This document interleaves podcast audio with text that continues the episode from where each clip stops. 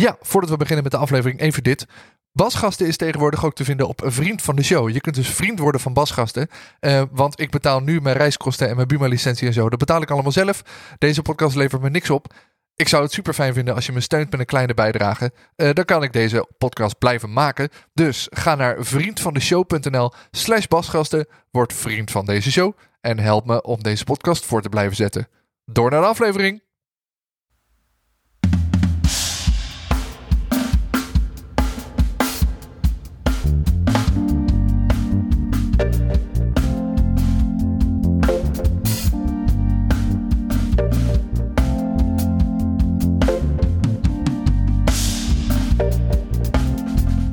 Ja, dit is weer een nieuwe aflevering van Basgasten. Mijn naam is Hidde en in deze podcast ga ik in gesprek met bassisten over wat ze drijft, welke spullen ze gebruiken en welke mensen hen inspireren.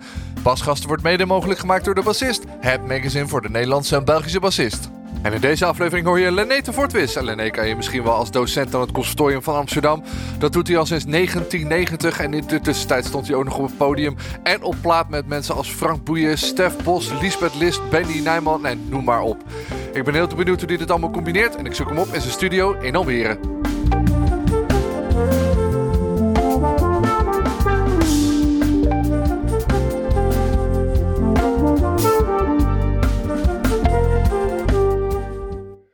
Metronoom. ja, ik had de metronoom nog aanstaan. ik neem het op in Logic, dus hij liep nog. Oh, echt? Ja. tik, tik, tik. Ja, Gewoon op uh, lastig met editen. Ik denk, wat zit die klik nou? Maar die klik is nog aan. Ja. Maar uh, nou, leuk. Uh, ja. Nee. Ja. Ik ben in Almere, dat kom ik niet zo vaak. Nee. Nee, nou leuk. In je thuisstudio. Welkom. Nou, dankjewel. Ja. Um, ik, als ik om me heen kijk, zie ik allemaal spullen. Ja. ik, volgens mij zijn dit niet al je spullen. Nee, nee, dat zijn niet allemaal spullen mee. Um, Maar uh, er staat. Greep. Ja, het, precies. Er staat nogal wat Nederlandse handbouw tussen. Ja. En uh, dat vind ik altijd heel erg leuk als mensen ja. spullen kopen van, van lokale bouwers. Of ja. van, überhaupt van lokale ja, zeker. ondernemers. Zeker. En ik wil eigenlijk even beginnen bij het instrument waar ik in eerste instantie meteen op aansloeg toen ik hier binnenliep. En Ja. dat is een bas die je hebt laten bouwen door Jan Hollestelle. Ja. ik had het er het gesprek met David de Maris ook al over dat hij een akoestische bas heeft van Jan. Ja. En jij dus ook. Ja, zeker. Hoe is En- dat zo? Nou ja, goed, je, was, je bent natuurlijk heel lang collega's geweest met Jan. Ja. Hoe is dat zo gekomen dat hij dan ook een bas voor je is gaan bouwen?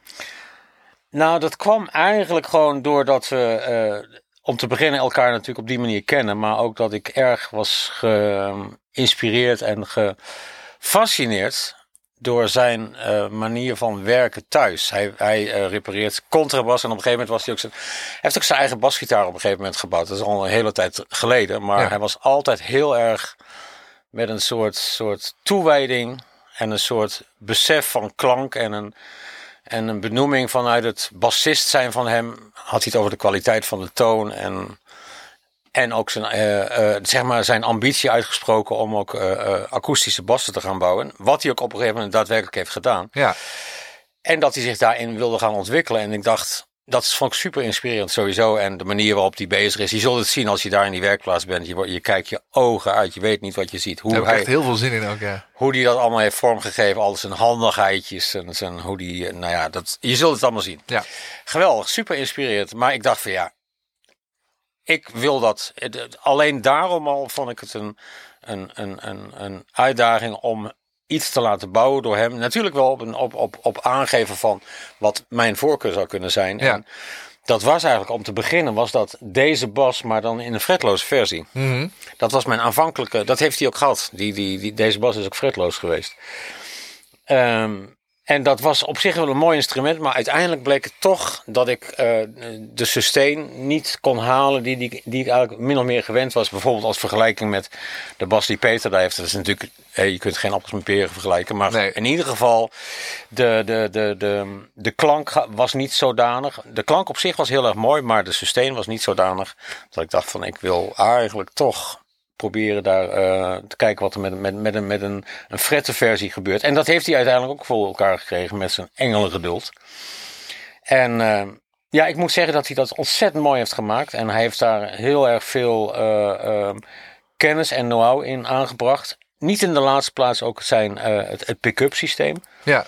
Heeft hij me heel erg goed in eh, van advies eh, gediend. En, en ja, ik heb bijna zoiets van, ik wil op een gegeven moment nog een keer, want ik weet de bas die David heeft en ook de bas die eh, Jurre, Ja, Jure Hoogvorst. Jurre Hoogvorst heeft. Eh, die, die, ja, dat is, ik ga niet zeggen een andere categorie, want dit is echt een superbas. Deze heeft zoveel mooi laag aan boord en zoveel... eh, hij mengt zo mooi met andere akoestische instrumenten. Ik heb binnenkort een sessie met een zangeres en dat doen we samen met een gitarist, eh, René van Mierlo, op akoestische gitaar. En ik doe dan deze bas. Ja. Ga ik, ga ik misschien ook nog een elektrische bas, maar in principe gaat het in principe op, op, op deze bas gespeeld worden. En dat, ja, dat gaat gewoon fantastisch mooi klinken. Dat weet ik Ja. nu al. Dat mengt, het mengt gewoon heel natuurlijk. Ja, hij klinkt heel erg gewoon echt als een basgitaar, zeg maar. Je hebt heel vaak Ja. akoestische bassen die klinken een beetje plomp en een beetje, een Ja. beetje kartonnig of zo. Ja. Maar deze klinkt echt als een lage akoestische gitaar Ja. of zo. Ja, ja, Dat vind ik heel gaaf hoe dat... eh, absoluut, absoluut. En, dat, en, en hij is ook heel erg recht in de zin, heel evenwichtig. En ehm, gemakkelijk te bespelen. Ik bedoel, omdat ik, ik heb nu inderdaad, wat je gehoord hebt net, was, eh, ik heb alle, ik heb hem in, de, in, in een lagere stemming, dus DG, weet je Ja. wel. Dus, maar in principe, ehm, ehm, de toon blijft zo ontzettend overeind. En het heeft een, eh, natuurlijk is je bereik aan de bovenkant iets minder. Ja. Maar ik hou hier ontzettend van. Maar tegelijkertijd, wat ik net zei eh, over, over de bas die dan is voor, voor David is gebouwd.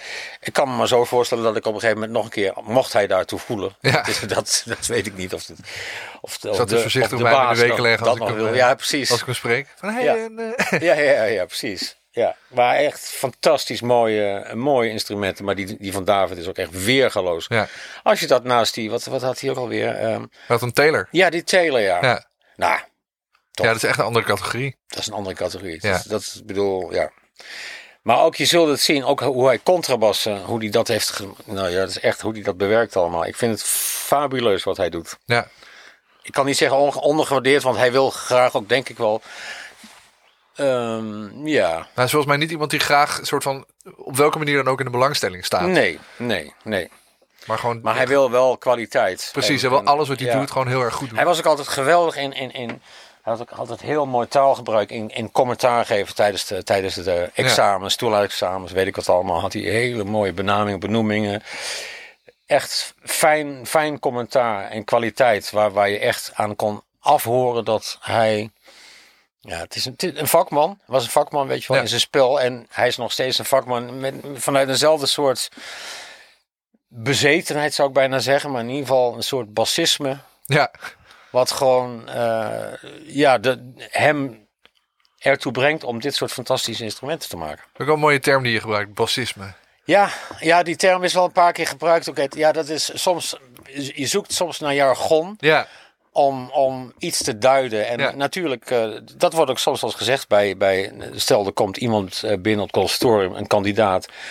En dan kunnen we bijvoorbeeld zeggen: ja, die heeft. Ja, nee, dat is net. We, we voelen niet genoeg bassisme. ja. Dan weet eigenlijk meteen iedereen wat je bedoelt. Ik heb het daar wel vaker ook met mensen over. Dat een soort van elk, eh, elk vakgebied. En dat is dan binnen de muziek, maar ook daarbuiten heeft een soort van termen. Nou, in dit geval is bassisme. Of dat iets warm klinkt. Of dat het een beetje, beetje gruiziger moet of zo. Ja. Of iets krokanter. Ja, Dat, ja. Als je weet wat het is, dan, dan snap je het meteen. Ja. Maar probeer maar eens iemand bassisme uit te leggen. ja. Het lijkt me ingewikkeld. Ja, ja dat is een eh, it takes one to see one Ja, precies. opmerking. Ja. Ja, je ziet Ja. het meteen aan iemand. En je ziet het ook bijvoorbeeld Ja. wel eens aan niet-bassisten. Dat je denkt, jij zou een hele goede bassist kunnen zijn. Gewoon puur qua attitude of zo. Ja, ja. Ja, ja, dat klopt. Dat klopt. Dus dat valt me meteen nog een, een andere opmerking die Jan wel eens gebruikte. Dat is echt een geweldige opmerking, vond ik. Eh, dat ging dan over de duiding van een bepaald soort ritme en de manier waarop dat gespeeld werd. En dan ging het dan met name over meer Motown-achtige ritmes. En dan zei hij een verend ritme. Oh ja. Ja, ik snap meteen wat je bedoelt. Ja, hè? Ja. Dan heb je meteen te pakken van, oh ja, dat bedoel je. Ja. Ja. En daar hoort ook een bepaald geluid bij. Je hoort meteen misschien zelfs wel een, een P-bass van Jameson, maakt niet Ja. uit. Maar in ieder geval, dat Ja, soort wordt een soort sound bij. Ja, precies. Ja, Ja, is net als het mysterieuze, de mysterieuze term pocket. Wat dat dan precies is. ja, ja, in de pocket. Ja, je voelt hem meteen. Ja, is in de precies. pocket. Ja, in de pocket. Ja, klopt, klopt. Hey, Ja. En eh, daarnaast, want we hebben het al eh, bijna tien minuten over Jan. Wat natuurlijk een Ja, eh, grote is- eer voor ja, hem nee, is. En terecht ook. Maar dat mag hij me, ik spreek hem volgende week, mag Ja. hij me allemaal zelf Leuk, leuk. vertellen. Ben ik heel benieuwd naar. Doe het goed. Sowieso. Dus dat ga ik zeker doen.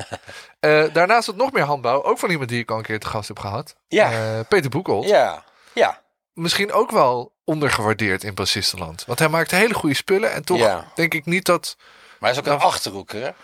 Ja, Hij- wij, wij komen, wij- kijk, ik kom daar ook vandaan. Ik kom Ja. uit Winterswijk en Oh ja. hij komt oorspronkelijk, ik denk dat hij uit Lichtenvoorde komt oorspronkelijk. Maar Ja.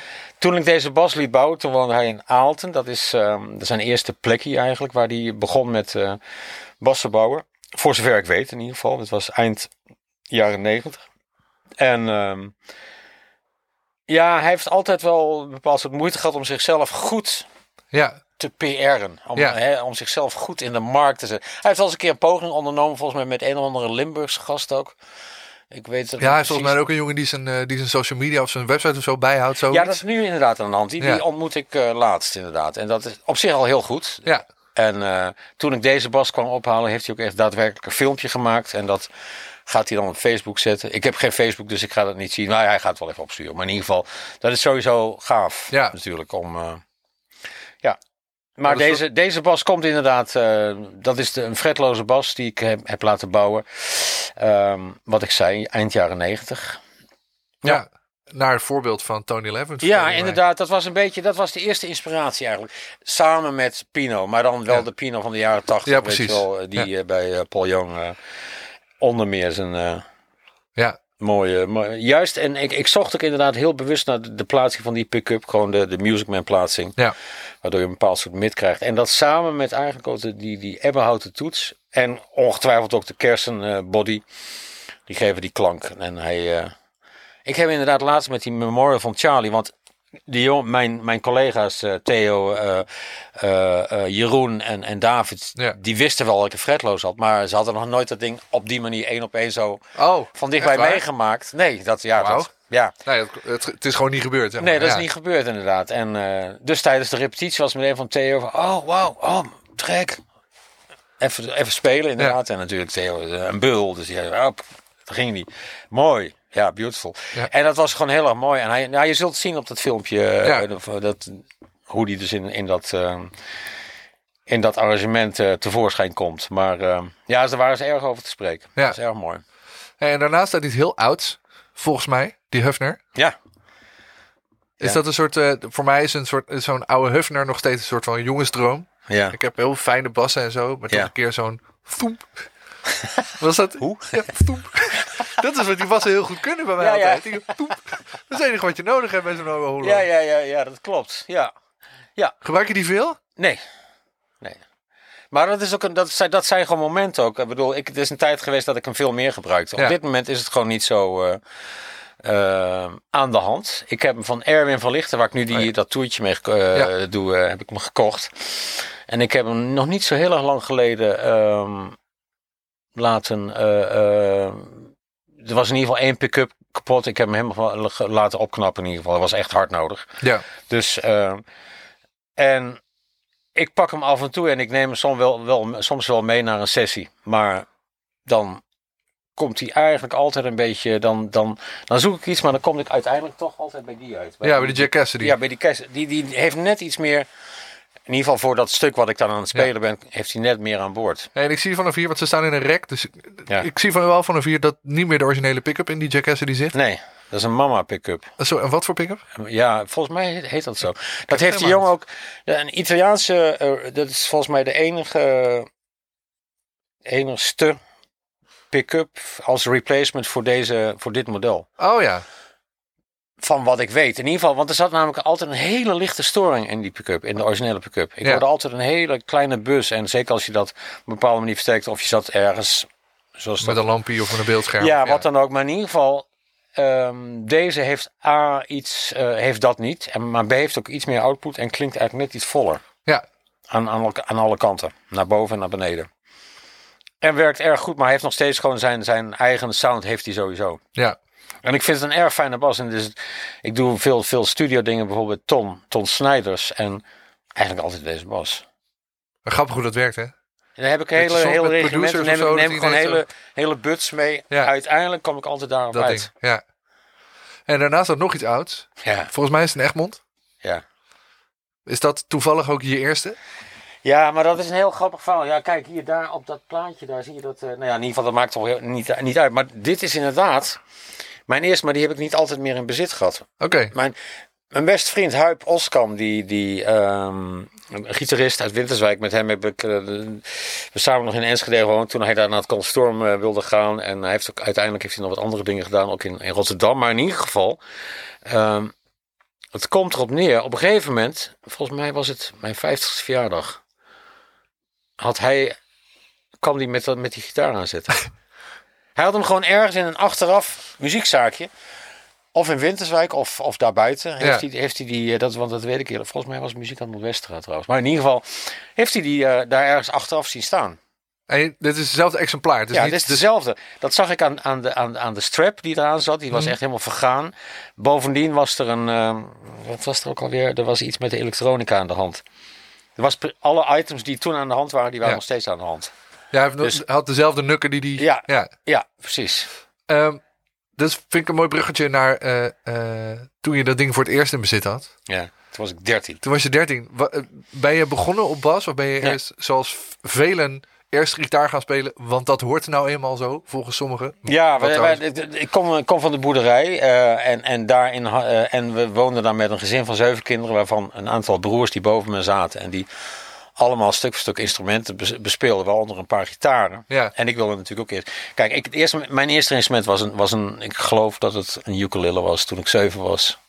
En toen ging ik al snel orgelles, kreeg ik op zo'n traporgel. Oh ja, En op een gegeven moment vond ik het ook stoer om, eh, om bij de fanfare te gaan. Toen speelde ik bugel bij de fanfare toen ik 10, 11 was. En ondertussen inderdaad, gewoon Gitaar gitaar, ja. strummen. Maar als, als bandje met, een, met, een, met, een, met, met je broers, waarvan ik dan de jongste was, werd je natuurlijk gewoon ge- geacht de bas te gaan spelen. In plaats van de gitaar. Want Ja. dat was gewoon toch. het privilege het, het, eh, van, van, van de ouderen. Ja, Dus eh, dat, dat was ook wat gebeurde. En eh, eh, eerst eh, stemde ik al het snaar omlaag. Zoals, dan, zoals dat gaat. En, gaat alles kletteren natuurlijk. ja, en eh, toen heb ik mijn ouders gevraagd eh, van mag ik een basgitaar kopen? En tot mijn stomme verbazing, nog steeds, Zeiden ze ja. ze zeiden ja. Ga maar naar muziekhandel Wieskamp. Dat was de muziekhandel in Winterswijk. Mhm. En daar komt deze Egmond vandaan. Daar heb ik die gekocht. Inclusief een, eh, op een gegeven moment een, een, een Dynacord basversterker. Ja, En zo'n enorme joekel van een kast. Een 18 inch kast.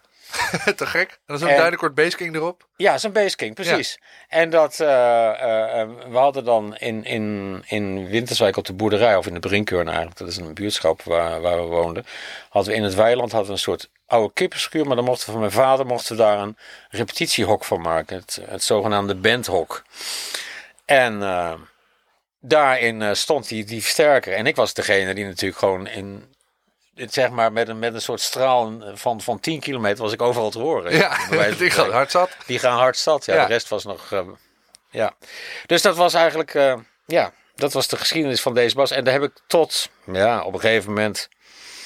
Toen ging ik eh, bij wat. eh, ik speelde in allerlei bandjes. schoolbandjes. En. en, en ehm, op een gegeven moment een rock'n'roll bandje. Een, een, een, een, een symfonisch rockbandje. Een. Meestal allemaal covers, maar sommige dingen waren ook best wel een beetje geïnspireerd op. Ik had bijvoorbeeld een trio met een organist en dat was dan echt geïnspireerd op eh, Trace, op eh, eh, Rick van der Linden, Oh ja. Exception-achtige Ja, ja, ja. dingen. Echt van die, van die, van die symfonische, kon niet symfonisch genoeg zijn, Ja, liedjes, weet je wel. En ja, dat ging allemaal wel goed eigenlijk. En dat, dat, dat, dat vond ik ook erg leuk. En, maar was het, ook, was het ook meteen raak dat je dat ding kocht en meteen dacht, oh ja, dit is het. nee, Moest je daar een beetje een soort van ingroeien? Nee, ik kon wel meteen bassen, maar ik was, al, ik was heel handig. Ja, maar ik bedoel meer dat je, dat je meteen een soort van aanvoelde van, oh, maar wacht even, dit, dit is... Dit vind ik leuk en dit kan ik en ik pik het snel op. Of was het echt een soort van, ik moest even er doorheen om het... eh, Nee, ik pikte het allemaal heel snel op. Het kwam me echt wel, wat dat betreft, heel, heel gemakkelijk aanwaaien. En dat, maar daar verbond ik niet aan dat ik beroep zou worden. Nee, precies. Dat was voor mij totaal niet 1 plus 1 is 2. Nee, helemaal niet zelfs. Ik was eigenlijk eh, ehm, wel daar ontzettend druk mee. In allerlei eh, soorten en maten. Niet alleen. Op een gegeven moment had ik ook zelfs een bandje waar ik, in een, waar ik toetsenman was. Of, of af en toe zelfs drummer. Of Ehm, en ik was ook best wel op een gegeven moment met opnames maken bezig. Voor zover dat al mogelijk was. Op een gegeven moment kwam de Porta Studio, weet je wel. Dus, dus dan ging je gewoon toch een soort van multitrack-achtige dingetjes maken. Ehm, maar al met al leidde dat nog niet tot een soort toekomstplan van Nee. eh, oh, ik ga dat doen. Nee, sterker nog, ik, eh, toen ik mijn HAVO klaar had, toen eh, was ik, wist ik niet wat ik wilde. En toen ben ik naar de MTS gegaan. Ging ik gewoon elektrotechniek studeren. Ja. Studeren, ja, een soort van, in ieder geval naar Enschede, want dat wilde ik ook. Ik wil gewoon, eh, in ieder geval Winterswijk, weg. Ja, even de achterhoek uit. Ja, en, eh, gewoon dus naar, naar de grote stad. Ja. En eh dat was Enschede. Kon ik in het tweede jaar beginnen? Nou, dan was ik gewoon twee jaar op met, met, met, de MTS bezig. Ondertussen wel veel aan het spelen. Kreeg ik les van Dickie Kemper. Dick Kemper. Die naam ken ik wel, ja. ja, de bassist ook uit de Ja. Doetinchem. Broer van Paul Kemper. Hij was de gitarist bij Normaal. Ja, en Dick. Kemper was bij... God, hoe heet die band nou met... ehm, Ja, Ik ga dit even snel googlen. hij heeft gewoon wel veel dingen gedaan, weet je wel. Hij heeft echt wel eh, ehm, rock, hard rock. Hij heeft echt wel belangrijke dingen gedaan. Ook met, met, met... Vandenberg. Ja, precies, dat zeg ik. Ja, Dus. dan ben je geen prutser. Nee, van hem kreeg ik les toen. Want hij, hij zat ook bij Willem. Mijn broer, Willem. Ja. Die, eh, dit... Toevallig trouwens in de volgende aflevering spreek ik de huidige bassist van Vandenberg. Echt? Ja, Randy van der Elzen. Oh, te gek. Ja. Oh, te gek. Dat is wel, eh, leuk Wat gaaf. Ja. Eh, maar in ieder geval, eh, die zat dus, hij, zit, hij zat met, met, eh, bij mijn broer in de band. of samen met mijn broer in de band, die heette Squad. En toen zei die, eh, mijn broer van, joh, je kan anders wel les krijgen van Dickie. Nou, die, hij was in Enschede ook. Kwam die langs. En op een gegeven moment zei hij, de, ik weet dat er een dansorkest wordt opgericht. Gewoon een top 40 orkest. Ja. Een dansorkest noemen we dat dan. Hè? Toen de tijd. En... of je er zin in had, want het ging allemaal heel goed en weet je wel, en hij, hij zag ook wel dat ik kon spelen. En Ja. toen, ik zei, nou ja, waarom niet? Leuk. prima. En dat was in, in, in, in, in Ulft, was het vlakbij Doetinchem. En dat was eigenlijk het moment dat ik eh, dus die wereld inging. En ook dus de wereld van geld verdienen. Ja, Met muziek. Want dat was daarvoor nog niet aan de hand. Maar dat, op dat dat lijkt me moment heel wel. surrealistisch dat je ineens denkt... ik doe iets wat ik heel leuk vind en Ja. wat ik best wel goed kan. Ja, wat ik goed kan. En op een gegeven moment word, krijg je, krijg je Word je gewoon voor betaald. ook Ja, precies. Dus er werden ineens allerlei dingen gekocht ook. En dat, dat besef, dat, dat druppelde me langzaam maar zeker binnen. Maar in ieder geval was het wel heel erg... Ik vond het om te beginnen ontzettend leuk om te doen. Ja. En ik was er ook wel... wel ja, het- het- het- uiteindelijk was, was ik er ook wel goed in. En, en het, het ging allemaal wel snel. En... ehm, je komt dan mensen tegen. Dus Martin Seisner was zo'n gast, weet je wel. Die, een zanger eh, die ook wel samen met Dickie Kemper op een gegeven moment dingen deed. Maar met Martin heb ik toen nog andere beentjes gehad. En op een gegeven moment hadden we daar, daarmee een, een radio optreden. Dus er, kwamen, er gebeurden ineens allerlei dingen die, die gewoon... hè, nog weliswaar in het Achterhoekse. ja. Maar toch wel waar, waarbij je het gevoel kreeg van nou, ja. Maar nog steeds niet.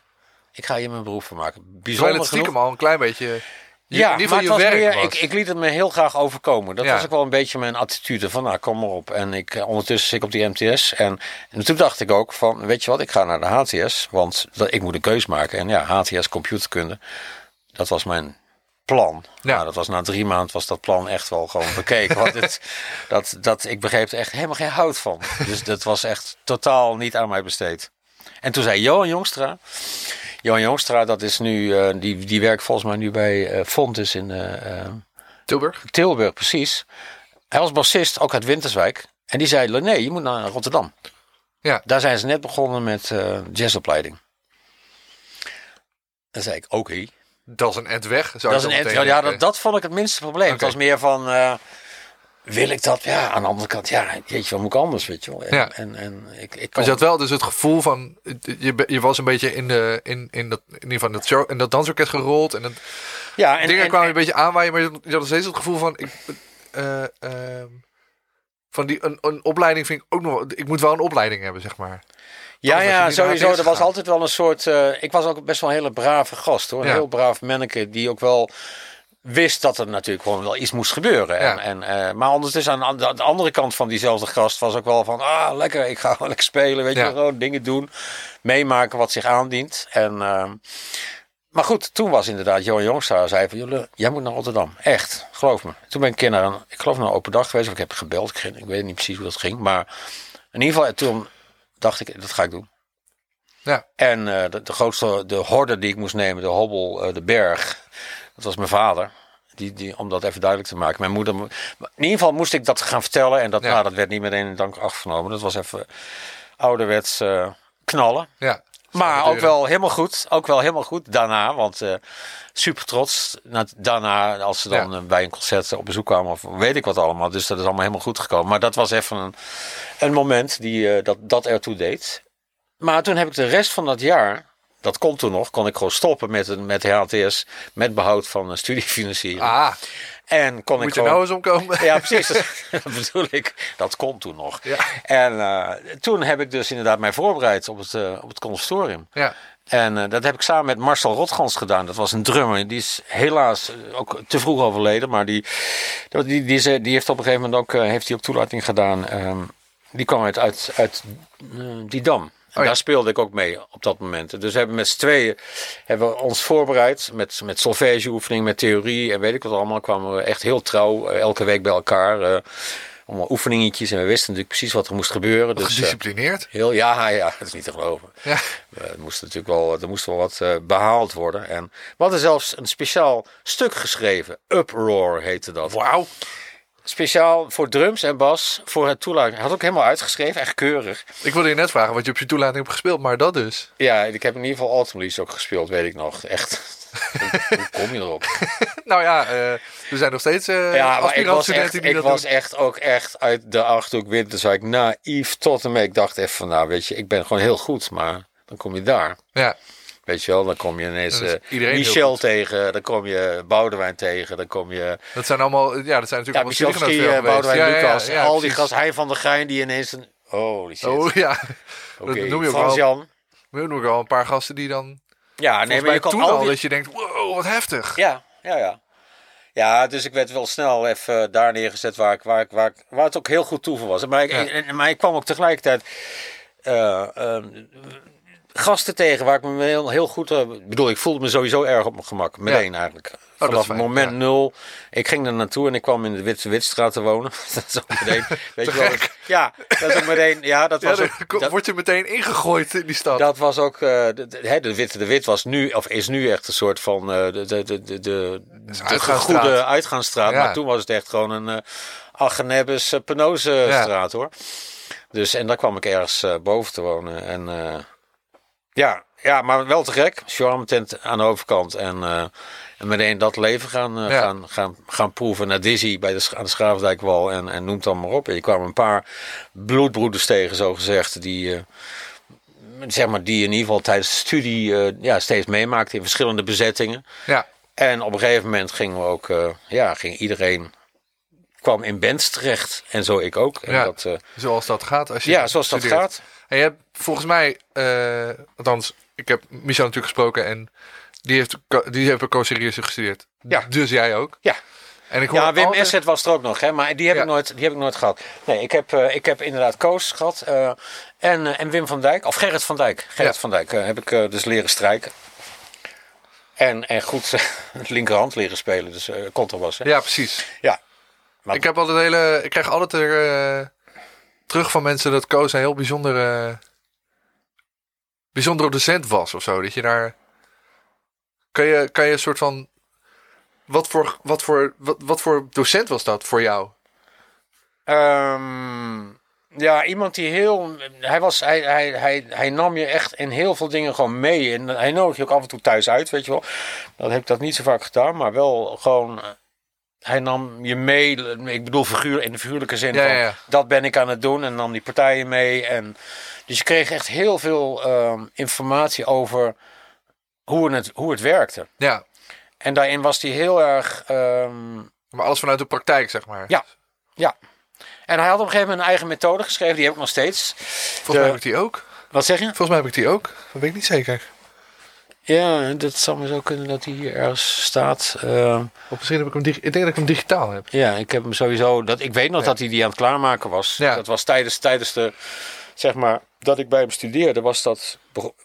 Was hij ermee begonnen en op een gegeven moment was hij klaar. En dat, ja, dat. ehm, er staan hele mooie dingen in. En wat ik vooral. Kijk, je moet je voorstellen, ik ben niet.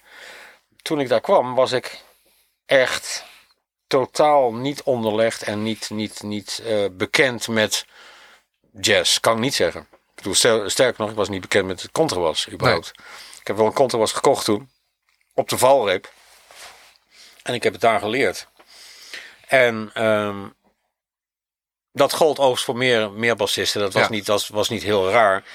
Maar ehm, het heeft mij wel geleerd, mijn ervaring toen, om dat, dat, dat zeg maar. Ik, op een gegeven moment leerde ik ja- jazz leren. Of ik, ik, ik leerde. Ik kwam in aanraking, zeggen. Ik kwam in aanraking met jazz. doordat ik het reelboek las. En dat was jazz voor mij. Ja, dat En, is het denk ik voor veel mensen nog steeds. ja, als je, maar als je jazz is- wil kunnen spelen, moet je gewoon het reelbook kennen. Ja, precies. Maar de, de wereld achter het reelboek is natuurlijk gewoon een ongelooflijke database aan geweldig mooie Precies, liedjes. ja. En dat is natuurlijk nu, in deze tijd van Spotify noemt op, eh, is het super toegankelijk. Ja. Toen de tijd moest je echt wel gaan graven. En ik was niet zo'n graver ook. Dus ik beperkte mij. Dat lag ook aan mezelf, weet je wel. Dat, Mm. dat, dat, dat, totaal geen verwijt of wat dan ook. Maar mijn wereld hield daar op. Maar wat Koos wel voor elkaar kreeg. En Koos niet alleen, Rob Matna deed het ook heel, helemaal te gek. Dat was gewoon toch dingen laten luisteren en de wereld erachter te laten zien. En wat hij daar ook mee deed. Ja. En, en hoe hij daarop speelde. Ja, ik was sowieso altijd geïmponeerd, geïntimideerd. Ook eh, als hij dan eh, eh, speelde in, in, in, in Dizzy bijvoorbeeld. Live concerten vond ik altijd super. Rob vond ik ook een weergeloze muzikant. Dat Ja. is een, ja... Ik kan niet zeggen beter, nog, nog meer, maar die, die had een enorme... Ik denk dat hij dat die qua, qua... Ja, je had een paar van die mannen. Jan Laus Horton vond ik ook zo'n gast, weet je Ja. wel. Die enorm inspirerend jezelf naar een bepaald soort eh, dynamiek kon douwen. Van, ja, maar dan moet je zo luisteren. En dan moet je luisteren eens wat hier gebeurt. Luister, luister, luister. Weet je wel, dat. Gewoon je oren openzetten eigenlijk Ja, voor wat er ja. allemaal is. Ja, wat er is en vooral wat, waar even de nadruk op gelegd wordt. Ja. Het grappige is, terwijl je dit vertelt, mijn aandacht eh, verschuift zich heel even naar de boekenplank achter jou. Ja, En daar staat het boek van David Byrne, ja, eh, Ja. Hoe Ja. muziek werkt. ja, De originele titel is natuurlijk How Music Works. ja. En dat boek heeft een beetje hetzelfde soort effect. En eigenlijk het boek wat ernaast staat, Musicophilia van Oliver Sacks, Ja. heeft voor mij een beetje hetzelfde soort waarde of zo. Om dan zo van je, je, je, je hebt een soort belevingswereld van wat muziek is. Ja. En dat kan heel smal zijn of heel breed. Ja. Maar dit soort mensen, eh, en dat kan een boek zijn of een, eh, of een docent of wat dan ook, Ja. die dan net even kijken, ja oké, je kent dit, maar Ja. heb je hier al aan gedacht? Ja. Of heb je dit al eens gehoord? Of wist je dat dit bestaat? ja.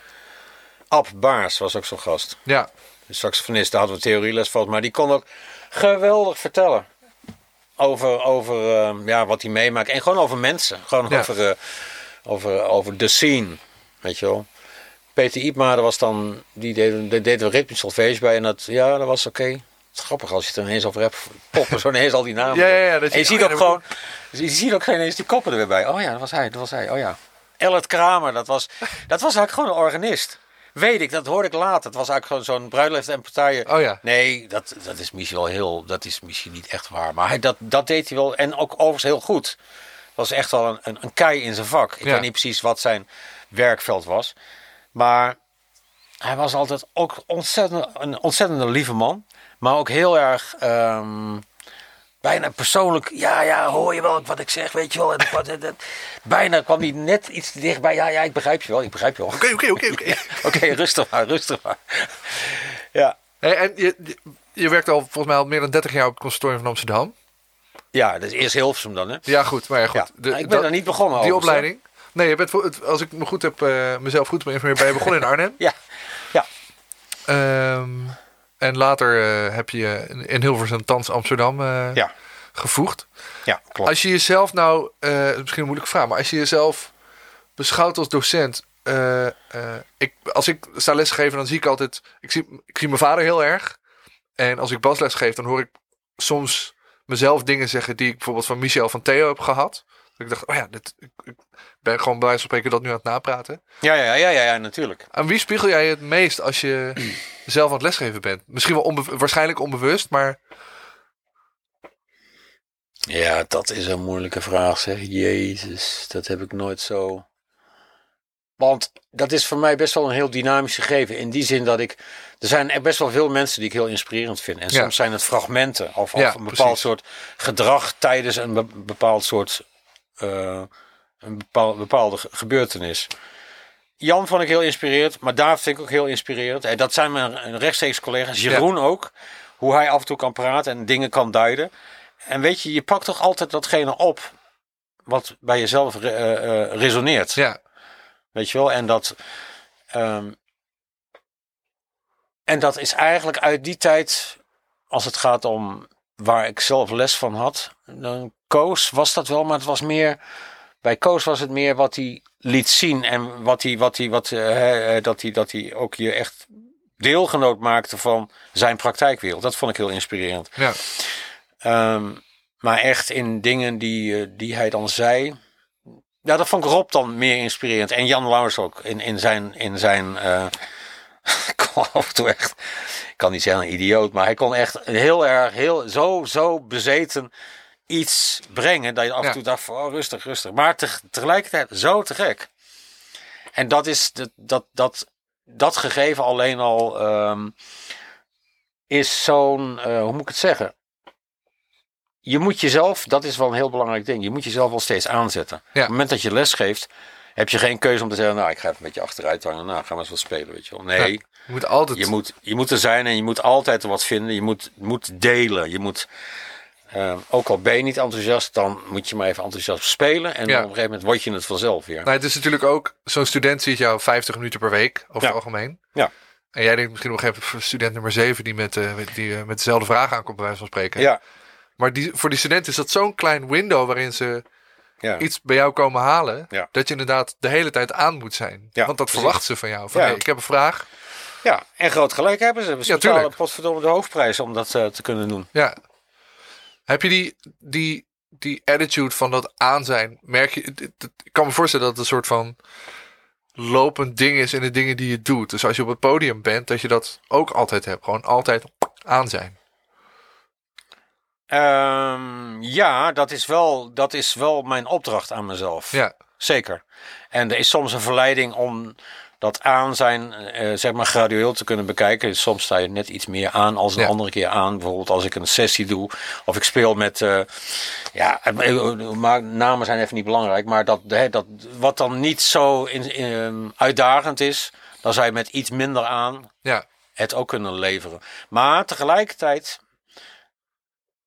ook daarin, ik zag bijvoorbeeld laatst weer, wat ik super inspirerend ook weer vind, is, is Xander, die, die speelt, Xander Buvelot, Oh ja, eh, over aangesproken. Eh, hij, hij speelde dan eh, op die Charlie Memorial. Ik heb hem niet heel vaak zien spelen, maar de keren dat ik hem zie spelen, denk ik steeds van, joh, je bent er wel steeds. En je ziet het ook helemaal. ja, Elke noot is er en elke noot is zo daar. En ook al zijn het weinig noten, maakt niet uit. Die noten zijn zo super raak en het is zo aan, zoals Ja. je dat zegt. En dat, omdat ik dat ook heel inspirerend vind, vind ik dat ook heel belangrijk naar mezelf toe. Van ja, maar het maakt echt niet uit wat je doet. Weet je wel, zoals Charlie ook zei, het maakt helemaal niet uit of je het driekwarts met, met wie dan ook speelt. Heel, heel simpel. En toen Ja. speelde hij wat voor, geloof ik. En ja, dat klopt. Dat moet ook gewoon aan zijn. ja, precies. Ja, het grappige is dat je, dat je dan Xander noemt. Die heb ik natuurlijk ook al. Ik ga even nu opzoeken welke aflevering dat ook weer was. Aflevering eh 47. ja. Dat hij, het is zo'n, hij is zo aan als hij speelt. En als hij spreekt is het zo'n hele rustige, ja.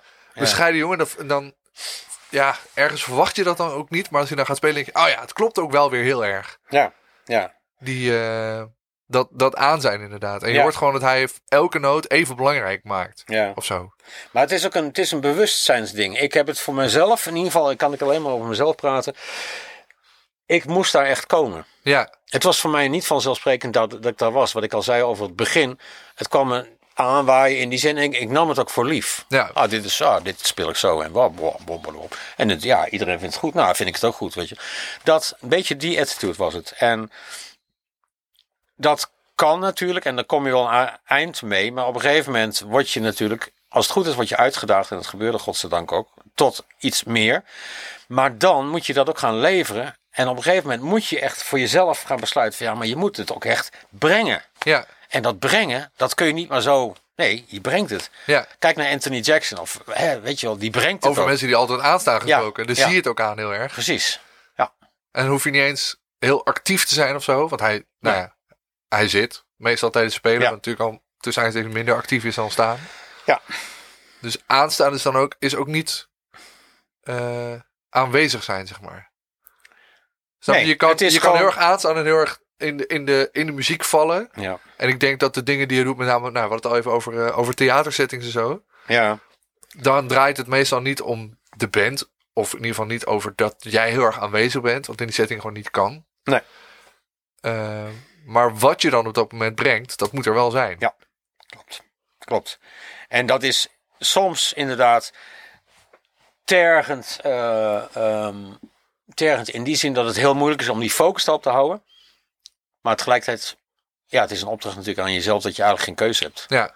dan dat te doen. En het is denk ik ook wel zo dat als je dat doet, mensen merken dat op en bellen je daar gewoon nog een keer. Ja. Ja. Maakt er nog om uit. Ja. En die, wat je zei, op een gegeven moment werd ik godzijdank wel uitgedaagd. Kwam dat dan vanuit je docent of meer vanuit je omgeving dat je met mensen aan het spelen, waren, eh, met spelen was en dat dan wel muzikaal, dan wel vocaal terugkreeg van hé, hey, eh, volgens mij was het vanavond gewoon niet zo gaaf. Ja, natuurlijk is dat ook wel eens gebeurd, zeker. Maar ook ehm, dat je, dat je ehm, nou laat ik het zo zeggen, iedereen die ik heb zien spelen, waarvan ik dacht van wat, te gek. En wil ik ook, of tot en met, jeetje, dat was wel heel erg raak. Allemaal dingen die echt ertoe doen. Ja, Dat komt binnen. En dat komt zodanig binnen dat je dat niet even aan, aan de kant legt en zo van, nou, daar ga ik op en doen. Nee, dat gaat meteen, krijgt meteen een soort vervolg. ja, Ook leerlingen hoor. Soms leerlingen die gewoon een vraag stellen aan je. Van ja, maar wat je daar doet, waarom doe je dat? ja.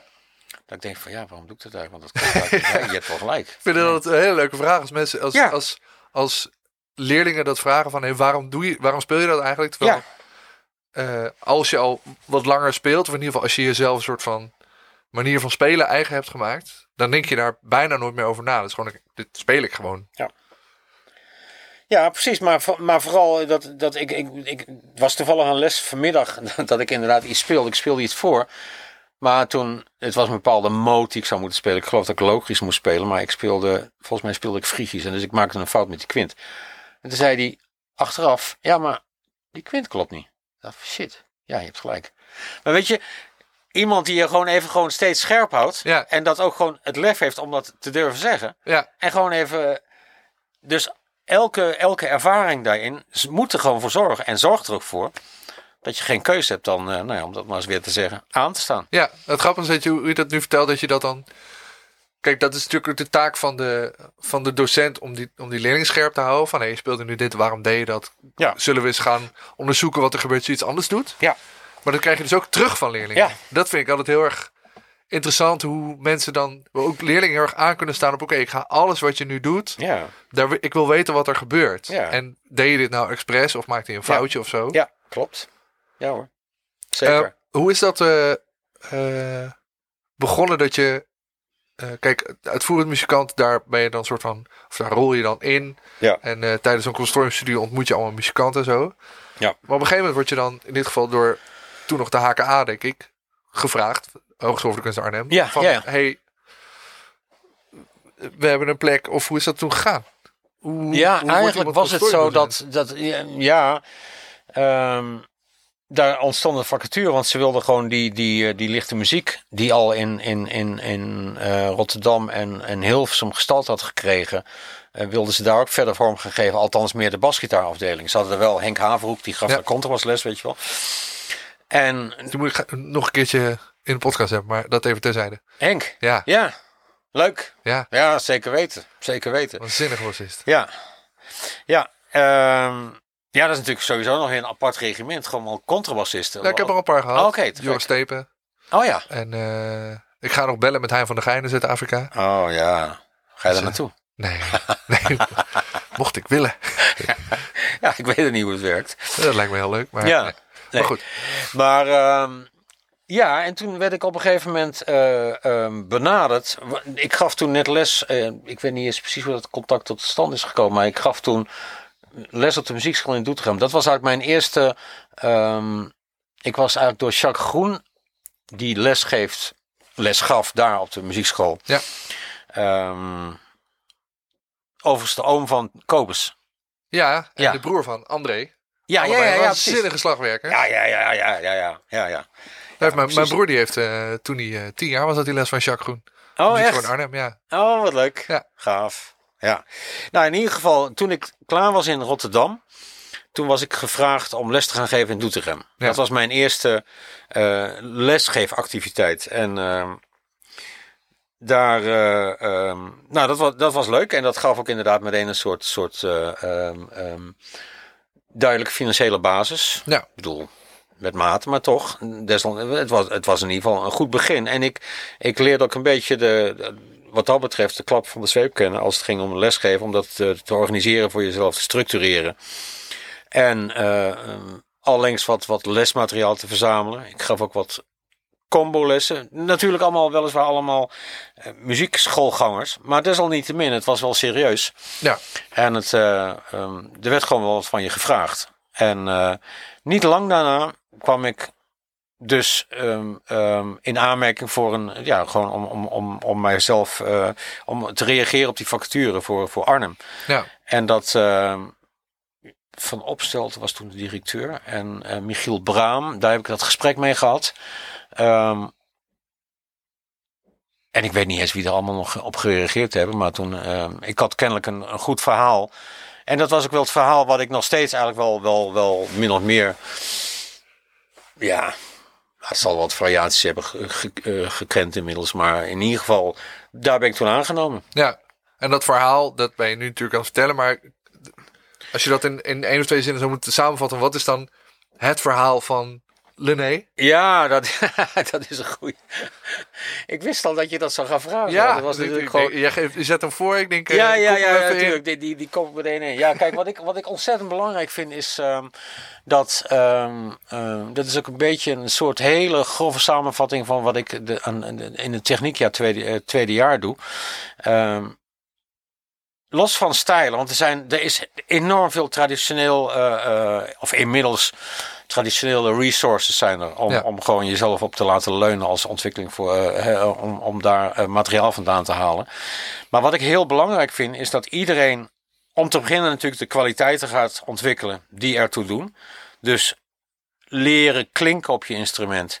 Leren, eh, ehm, ja, dat is, dat is al heel wat overigens. Dat Leren klinken, dat kent al ontzettend veel, veel facetten die, die, die, die, die, waar je zomaar een jaar of twee mee verder kunt zijn. Ik hoef jou niks te vertellen natuurlijk, maar... ehm, ehm, en daarnaast eh, eh, leren klinken en je leren uitdrukken ritmisch vooral. Het is nog niet eens zozeer als het gaat om de, de, de, de, de, de hoeveelheid licks of de hoeveelheid melodisch materiaal. Maar vooral ritmisch. Ja. Dat daar een soort pulsgevoel ontstaat. Dat zijn hele basale dingen.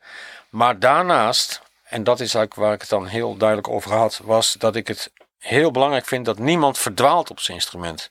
Dat klinkt nou heel breed. Maar mijn hele duidelijke insteek is dat de, de, de. mm, Kijk, als je een piano hebt, dan heb je een heel duidelijk grafisch beeld. Ja, Je hebt een heel duidelijk. Dat zit daar, dat zit daar, dat zit daar.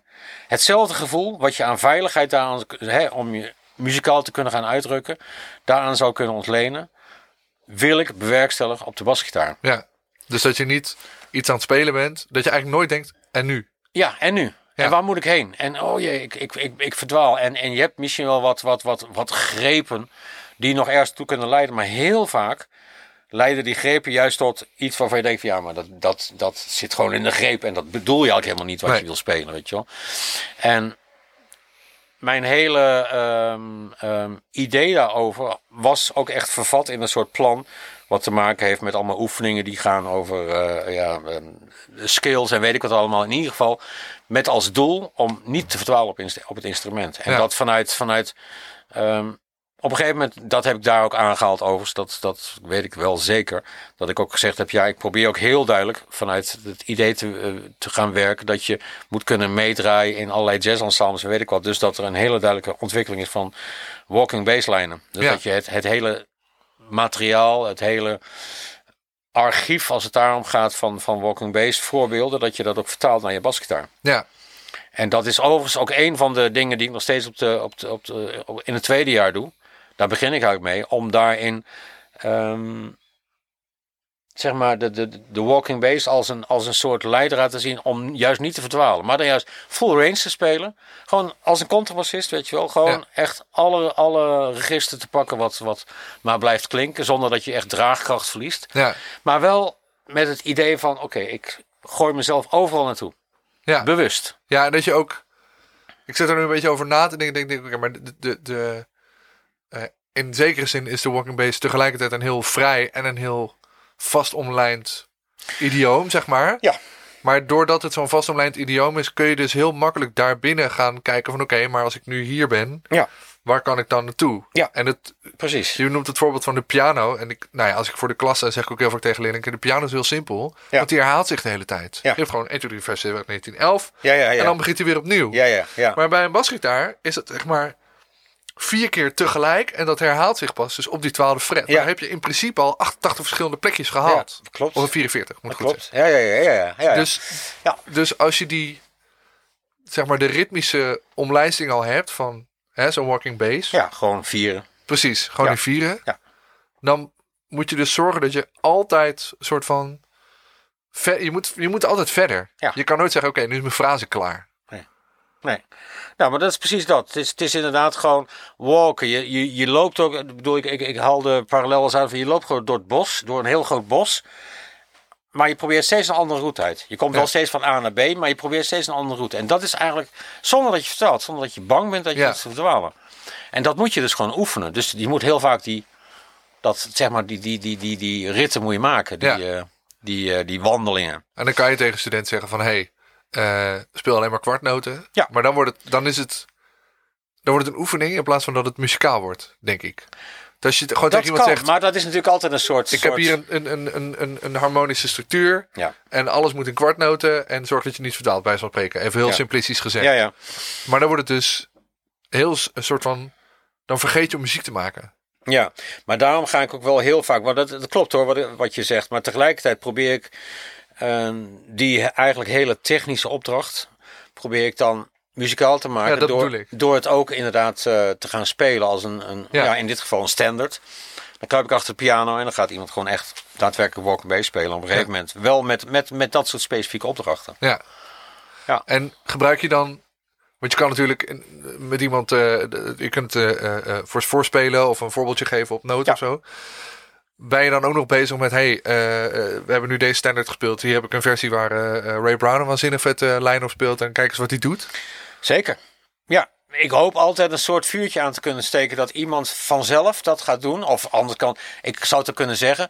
Maar sommigen houden het op dat het een techniek een oefening blijft. Wel eens, ik bedoel, elke techniekoefening moet natuurlijk een, een muzikale waarde kennen. Ja. Daarom, de klassieke etudes zijn te gek. Weet je wel, klassieke... Maar die klinken goed- ook. Goede, goede etudes, Ja, die zijn gewoon heel mooi. ja. En zo moet een, een, een basgit- maakt het ook niet uit op welk instrument je dat speelt. Nee. Nee. Nee, precies. Maar daarom moet ook een, een, een- basgitaaropdracht, een basgitaartechniekopdracht, Ja. moet ik in principe een, een hele duidelijke eh, muzikale component hebben. Ja, En die hoop ik dan op die manier. En dat, ja, doorgaans gaat het op. Eerst, in eerste instantie zit je toch gewoon alleen maar te bakkeleien over positiespel, over shifts, over eh, bewust een route gaan kiezen. Oké, nu alleen één snaar. Of nee, nou, nou eerst verticaal en dan horizontaal. Al, allerlei variaties maak je. ja. En, ehm, en nu blind. En nu eh, eh, up. En het zijn allemaal opdrachten. Maar op een gegeven moment, die opdrachten landen op een gegeven moment op een soort muzikaal bed. Als het goed is. ja. En dan ga je spelen. En op een gegeven moment zie je het gaan. En dan denk je van, oh ja, oh ja, oh ja. Tot en met als je een solo gaat maken, dat je niet steeds verticaal dingen blijft. Nee, dat je juist ook, zoals een contrabassist het ook af en toe doet. Gewoon op één snaar. Omdat zo'n te gekke sound is. ja. Weet je wel, er was op een gegeven moment was er een, een leerling, en dat is dan een voorbeeld dat ik graag aanhaal, maar dat eh, was ook een onderdeel van die techniekles. En ik, ik hou ervan om, om naar dat soort dingen op die manier te bekijken. Van, toen zei hij op een gegeven moment, ja, ik speel Donna Lee, maar ik speel het eigenlijk op een manier die wel kan en waar ik het eigenlijk het beste kan, waar ik het snelst kan spelen. Maar ik hou niet zo van de klank. Oh ja. Ik hou nog niet van de klank. Ja, En ik oké, wat stel je voor? Ja, ik zou eigenlijk wel gewoon als opdracht nu voor een, een maand of twee maand Donna Lee willen gaan instuderen op tenminste vier vingerzettingen. Dus, dus eerst op één snaar bijvoorbeeld en Ja. steeds andere shifts maken. En op een gegeven moment kwam die uit een soort combinatie aan het einde. allerlei dingen steeds opgenomen. En op een gegeven moment aan het einde, volgens Dit mij is dit hem. Ja, Dus hebben we even vergeleken. En dat was hem. dat klonk ook het beste. Ja, klonk ook absoluut het best. En hij kon hem ook goed spelen. Dus Ja. ja, ja was, was, een, was, een, was een interessante zoektocht. Omdat je, eh, soms speel je inderdaad... eh, Dat is natuurlijk de, de, de, de, de, de balans tussen iets wat fijn speelt en wat goed klinkt. Want je zei, je moet Ja. leren klinken op je instrument. ja, Het Ja. moet ook nog lekker spelen. Kijk, je kan besluiten dat iets helemaal over je ace naar heen spelen dat te gek is. ja, Maar daar word je ook doodmoe van. ja. En als je dat in één positie kan spelen, ja, dan moet je soms even com- een compromis sluiten. Dat je denkt, ja, het klinkt iets minder gaaf. ja. Maar ik heb niet bla- de blaar op mijn vinger staan bij zo'n wel eens een keer stijlafhankelijk. Ik speel nu toevallig, moet ik ineens aan denken, ik speel één ding met, met, met, met die Hendrix tribute. Dan speel ik op een, op een precision bas. Maar dan speel ik echt, moet ik even denken welk stuk dat is. Maar dat zul je wel kennen, dat, je, dat ik speel gewoon C, F, G, heel simpel. Oh ja, nee, een blues. Een blues, gewoon Ja. een. Bes op de A-snaar. S ook op de A-snaar. Ja. Bes op de A-snaar. F ook op de. Bes- Gewoon zo Ja, omdat, ja, natuurlijk kun je hem Ja, gewoon op de D-snaar spelen. ja maar, maar dat- die, die, je krijgt een soort tapijtje qua sound of zo. de, de klank is zo duidelijk anders dan. En die keus die maak je, ja... Nou, dat is ook zo'n besef wat, wat, wat ook op een gegeven moment groeit. Ja. En dat zal ook per bas verschillen, Zeker. per stijl. Soms is het ook gaaf om juist, ik bedoel, je hebt ook heel veel, volgens mij ook heel veel collega's van mij die, die, die vermijden open snaar. Dat doe ik niet per se. Ik, ik, Ik doe dat ook. Liever niet, tenzij het niet anders kan. je vermijdt open Ja, snaren. ja. ja, ja, ja, ja, ja. Ja, ik niet per se. Het, is, het, ligt, het ligt er een beetje aan wat je speelt. Ja. En het ligt ook aan hoe dood je snaren zijn. Het ligt eraan of je flats gebruikt of, uh, of Het ligt eraan hoe je losse snaar klinkt, gewoon überhaupt. En- ja, precies. Precies. Wel grappig dat je... Ik wil heel even... Het, Ja, ja. een- Ga je gang. ik krijg een soort brain eh, eh, dingetje met... Een, eh, je noemt inderdaad die, die, ehm, die Hendrix tribute die je doet met Ja. Erwin van Lichten. Ja, ja. Ik heb het volgens mij in... Nou, dit is aflevering 66. Ja. Nog nooit over Noel Redding gehad. Oh, Volgens mij is dat een van de meest onderschatte bassisten uit de jaren 60. Dat idee heb ik altijd. ja, dat weet ik niet. Het schijnt niet eens zo'n te gekke bassist Nee, geweest maar wat zijn. hij bij Hendrix doet, Ja, nee, maar goed, dat is... Ja, oké. dat is een soort magie met Mitch Mitchell samen. Ja, ja, ja, ja, ja, ja. Ja, maar ja, dan, dan bedoel, ze staan ook wel achter iemand. En het zijn natuurlijk Tuurlijk. composities ook wel. Ja.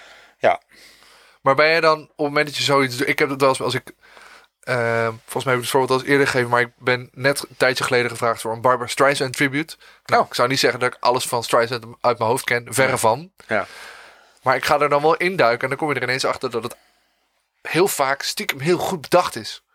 Ja. Of dat het heel goed is ingespeeld. In Ja. dit geval, in- weet je, Allemaal we speelden Guilty. hebben ingespeeld. Ja, is dan Will Lee. denk je, ja, hallo. Ja. Maar eh, ben jij dan ook zo iemand die daar dan in gaat duiken? Of denk je gewoon, ik zorg dat die nummers kan spelen en dat het een beetje genre... Dat het genre een beetje klopt, dat het sound klopt. Nou, Ik zou het, het is alles gaan uitpluizen, bijvoorbeeld van No Redding. Het is Misschien niet, zelfs zo'n bas kopen. Zo'n nerd ben ik dan. Ja, nee, nou ja, zo'n nerd ben ik niet. Maar wel, ik heb zeker heel veel dingen geluisterd. Sowieso om in die sfeer te komen. Het is natuurlijk ook een, ook een om dat woord dan maar eens te gebruiken, echt een vibe waar je in zit. Al, Ja. hè? Heel duidelijk ook met de manier waarop er gespeeld wordt, überhaupt. Gewoon hoe de Mitch Mitchell drumt. Hè, dat is bijna nog belangrijker dan hoe hij bast. Het is ook heel belangrijk. Maar Ja. het is wel tegelijkertijd een, een, een soort samenspel wat heel erg... ehm, ja... Iets van dat tijdsperk is ook, hè? Ja, Er waren heel, heel veel lossige... Ja, er werd gewoon gejamd. Ja. Tot en met, met. Maar heel los. En Ja. heel erg open. Heel, heel, heel... ehm, eh, ja, hoe moet ik dat nou Het zeggen? is bijna heel hard. Ik heb de, de- ik laatst toevallig die eerste twee van, eh van eh, Hendrix Experience zitten luisteren. Dus Electric Ladyland. Ja. Nee, Are You Experienced en uh, Oh, ja. Bold as Love. Ja. En toen dacht ik, het is eigenlijk gewoon heel hard gespeelde jazzmuziek. Ja. Ergens. Ja, en dat hoor je bij ja, ja. Zeppelin ook en bij Cream ook. Ja, ja, ja, zeker. Er, er werd enorm veel geïmproviseerd. Ja, En dat was ook juist dat, datgene wat, wat ik hier ook te gek aan vind, is ehm, die benadering. Ik hou er ook wel heel van om, om zeg maar afgebakende gebiedje, eh, zeg maar hokjes te hebben waarbinnen Mm. je, hè, dat het niet alle openingen kent aan alle kanten toe, maar ik bedoel de, de, de, de, de, de ehm, hoe moet je dat zeggen, de, ehm, de afbakening van die songs die zijn duidelijk genoeg. ja, Maar wat we overigens wel gedaan hebben, die, die- we hebben de, de, de ehm, songs die dupliceren we niet. Hè? We, we kopiëren niet één op één. Nee, maar dat deden ze zelf ook niet. Nee, nee, nee, maar we hebben. Nee, dat begrijp ik. Nee, dat zeker. Goed punt. Nee, maar we hebben echt al bewerkingen gemaakt die Oh ja. een soort van. eh, eh, soms min of meer hetzelfde, maar eh, sommige ook echt wel eh, daadwerkelijk anders. Bovendien wordt er steeds met gasten gespeeld. Hè? Oh ja. Zo heb ik de afgelopen eh, twee keer eh, met Rine Schertsen. Ook heel te gek. Ja, ja, ja, was, was te gek. Was een gekke ervaring. Waarvan, waarvan één stuk nog een keer samengespeeld werd. Dus dan speelde ik. eh, ik ging eh, strijken en, Ja. en, en een contrabas en eh, hij, eh, hij spelen. Op zijn bas, op zijn geweldige eh, Fox Humana. Oh ja. Die Fox Humana met, met drie van die lipsticks eh, Ja, ja, ja. erop. De, de Ja, wat een nagebouwde bas van die hij ooit zelf in elkaar gezet. Ja, heeft. precies. Precies, ja. Wat een sound, joh. Echt te gek. Ja. Ja. geweldig kerel. En geweldige verhalen. ja. Je krijgt wat voor je kiezen aan geschiedenis. En hij vertelde het ook met een onwaarschijnlijk aanstekelijk enthousiasme. Het is ongelooflijk, hè? Ja, als je het gemist hebt, ik heb hem eh, gesproken, aflevering 60. Dat is echt inderdaad, die man is een wandelende anekdote. Dat is Oh, ongelooflijk. oké, Ja, ik heb oh, hem dat al ga, nee, ga ik even ja, checken. Oh ja, dat ga ik even checken. Ja, Ja. ja. Echt te gek. Ja, ja, ja, ja, ja. Ja, nee, dat was, dat was sowieso geweldig. En, en ook, eh, ik bedoel, nou, wat, ik, wat ik al zei, er, er zijn steeds andere gasten naar hij dan. En eh, Erik Vloeimans heeft al een keer meegedaan. Dat is natuurlijk weer een hele andere trip. Ja, En eh, Jantje van der Meij, de, de gitarist van Ja. vroeger, van, eh, ja, nou, je kent ze ook, weet je wel. Peter van Straat, heb je die al? eh, nee, staat nog wel op mijn lijstje. maar ja, dat is natuurlijk ook zo'n held. Ja. Weet je wel, dat is ook zo'n. Maar goed, in ieder geval, die heeft ook een keer meegedaan. En eh, eh, Erik Vaarzon Morel. oké. Weer iets heel anders, Ja. maar wel te gek. Super enthousiaste, ontzettende be- begenadigde, Ja, geweldige spelen natuurlijk, flamenco speler. Echt. En dan ging hij nog dansen ook nog. Ja, hij Te danste. Dan ging hij zo met. Hij had echt van die Spaanse schoentjes, weet je. Oh, ja. Ging Ja, hij kan het ook echt, ja. ja. ja, te gek. Ja, En enthousiast hoor. Te gek. Geweldig. ja. Hey, ik, heb nog, ik wil eigenlijk nog één ding vooral weten. Want, Ja, ja, ja. eh, we hadden het al heel even over muziek die heel veel in theatersteden speelt. Natuurlijk Ja. met de Groot. En, hè? Ja, ja. Ehm, en kijk, binnen die, die Hendrix dingen zit natuurlijk relatief veel vrijheid. Want dat is gewoon dit in die muziek Helemaal te ingebakken. gek. Echt. Ja, dat is waanzinnig. Ik vind het ook helemaal te gek om te doen. Daarom. Ja, dat geloof ik, eh, geloof ik meteen. Eh, maar als je natuurlijk met, met van die grote artiesten dan op het podium staat, Ja. dan heb je die vrijheid natuurlijk minder. Ja. Want die songs moeten gewoon Ja. zo goed mogelijk gespeeld worden. Ja.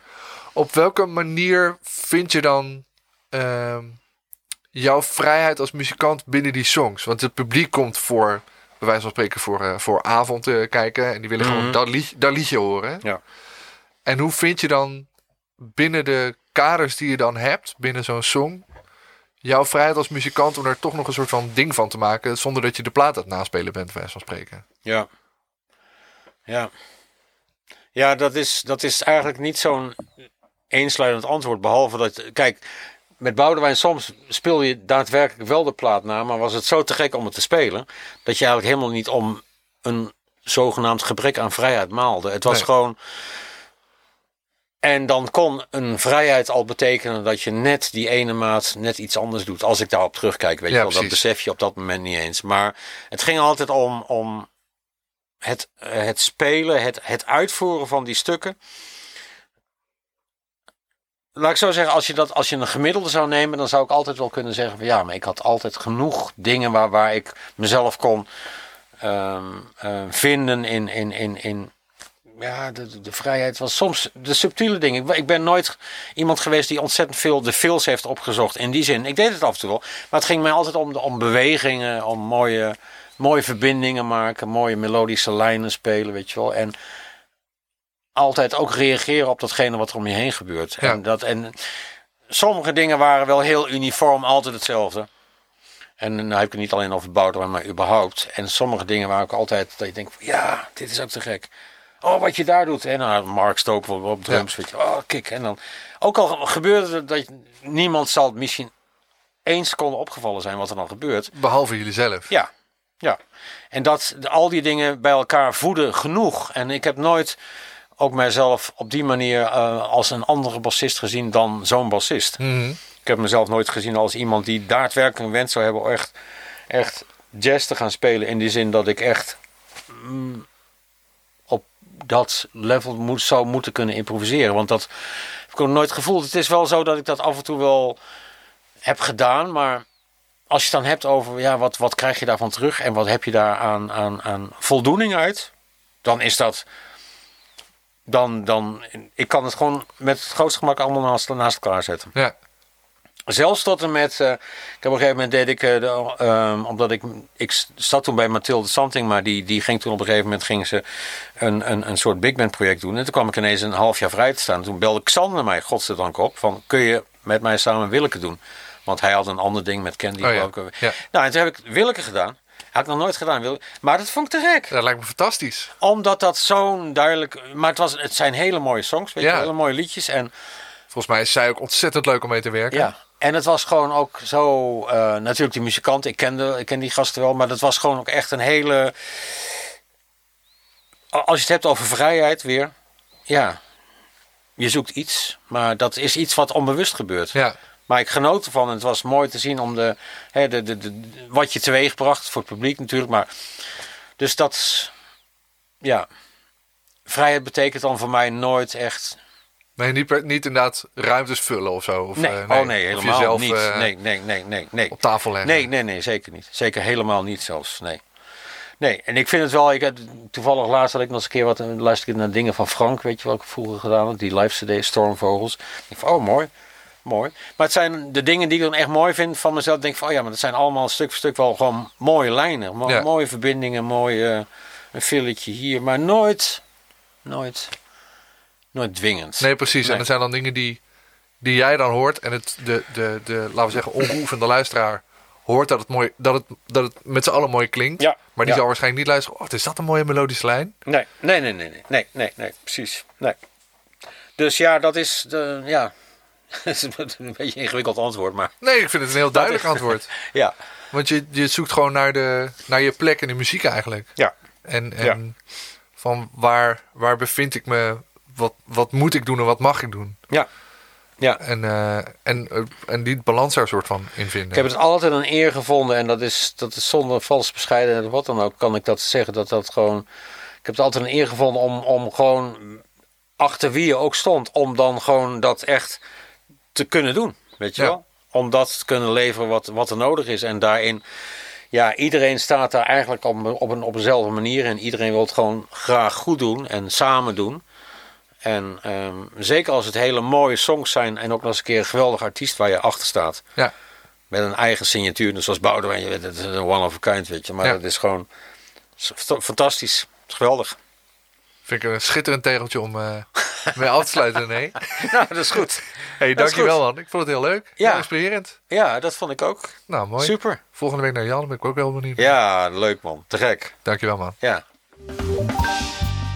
Je luisterde naar Basgasten en dit keer was ik in gesprek met Lenete Voortwis. Basgasten wordt gemaakt door mij, Hidde. De muziek die je hoort is van Tyranny Vlak.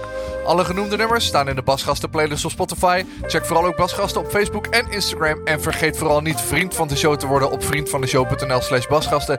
En laat een review achter op Apple Podcasts. In de volgende aflevering hoor je Randy van der Elsen.